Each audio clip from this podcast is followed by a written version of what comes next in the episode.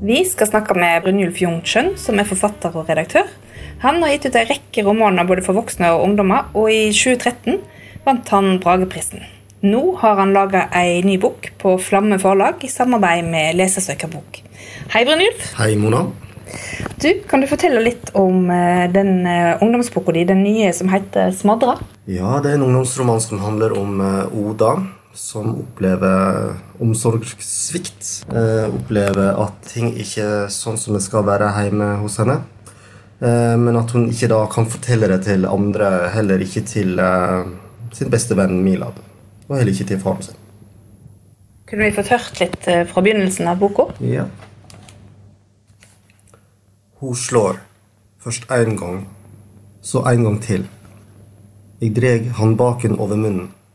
Jeg klarer ikke å skille hva som er tårer, og hva som er blod. Hun pleier å slutte nå. Når jeg gret, skjønner hun at det er nok. Jeg ser på henne. De mørke øynene. Snart vil hun snu seg og gå. La meg være i fred.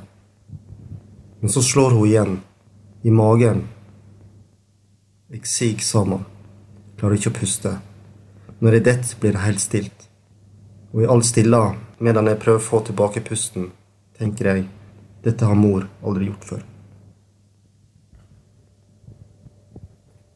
Dette er tøffe saker.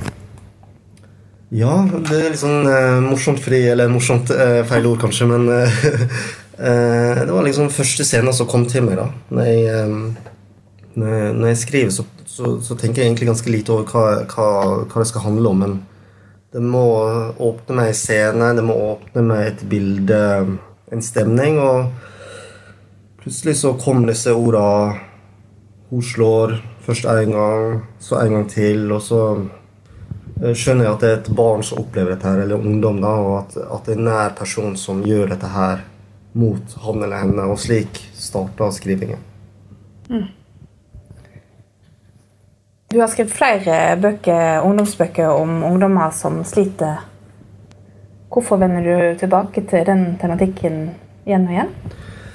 Uh, nei, det, det, er et veldig godt spørsmål og egentlig litt vanskelig å svare på. Fordi jeg har jo på en måte hatt en veldig harmonisk oppvekst. Uh, men så når jeg ser tilbake på alle bøkene jeg har skrevet, så, så, uansett om det er for voksne eller om det er for ungdom eller barn, så skriver jeg ut ifra en ung person som har opplevd et eller annet som gjør vondt. Gjerne et barn eller eh, en ungdom, da. Um, og jeg tror det handler litt om at jeg, da jeg sjøl var liksom barn og ungdom, så jeg Så var jeg et sted i livet mitt hvor jeg på en måte var usikker på hva som var identiteten min. Jeg, jeg var odelsgutt, jeg vokste opp på en gård, men, men, men jeg, jeg, trivdes jeg, jeg, følte ikke at jeg hørte hjemme der. da.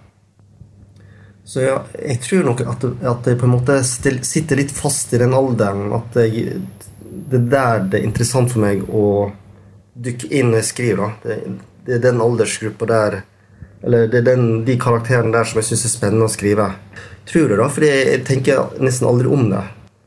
Eh, men det faller meg ikke naturlig å skrive om en voksen mann på 37 år som bor i Oslo, sånn som jeg gjør nå, f.eks. Så så jeg tror jeg på en måte vender tilbake til den, den, den alderssegmentet hvor jeg på en måte um, sjøl var ganske usikker på hvem jeg var, og hva jeg skulle bli i livet. Og, og, på en måte kanskje ikke hadde det sånn optimalt når det gjaldt hvem jeg var da. Mm. Mm. Um, og så er jo denne boka 'Smadra' òg uh, Den har du gitt ut uh, i samarbeid med Lesesøkerbok. Kan du si litt om eh, hvordan det var for deg å jobbe med den i forhold til at den skal være tilrettelagt òg for de som sliter med å lese? Mm. Ja, altså, For første tror jeg det filmen er ganske naturlig, fordi jeg har en skrivestil som på en måte um, Hvor man har ganske kort setninger, uh, mye luft eh, og veldig avskåren språk. da. Eh, så ganske tidlig i prosessen når jeg hadde skrevet 20-30 sider, så tenkte jeg kanskje dette her var et var det et prosjekt som kunne være for lesesøkerbok. Og det var og litt med at jeg har sett at det har kommet andre veldig gode bøker for barn og ungdom eh, i samarbeid med lesesøkerbok, som gjorde meg nysgjerrig. da. Kan du si hva du tenker på da? Har du et eksempel? Ja, f.eks. Og av Veronica Salinas.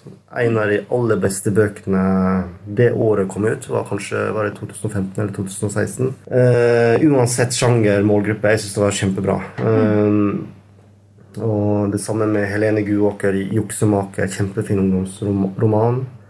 Eh, Apefjes-trilogien, f.eks. Så, så det er liksom tydelig kvalitetsstempel på de bøkene som kommer ut. Og jeg er jo opptatt av at når man skriver for uh, lesesvake, at de skal jo få veldig de skal, være bøker som hadde kommet ut uansett. Skal, skal være kvalitetsbøker, bøker som alle kan lese, men som òg på en måte også, ha har tatt de ekstra rundene for å gjøre uh, tilgjengelig. da. Til slutt kunne vi fått hørt et lite utdrag til. Første gangen mor slo, skjønner jeg ikke hva hun gjorde. Det var som om det ikke hadde skjedd. Jeg kjente smerter i leppene, smaken av blod fra nesen. Men at hun slo, husker jeg ikke. Det var som om smerter kom av seg sjøl. Reiv opp underleppa mi, dunka hardt i nesen. Det gikk så fort. Mor sto der og så på handa si. Hun virka like fortumla som meg. Hadde hun virkelig slått meg? Var det virkelig handa hennes?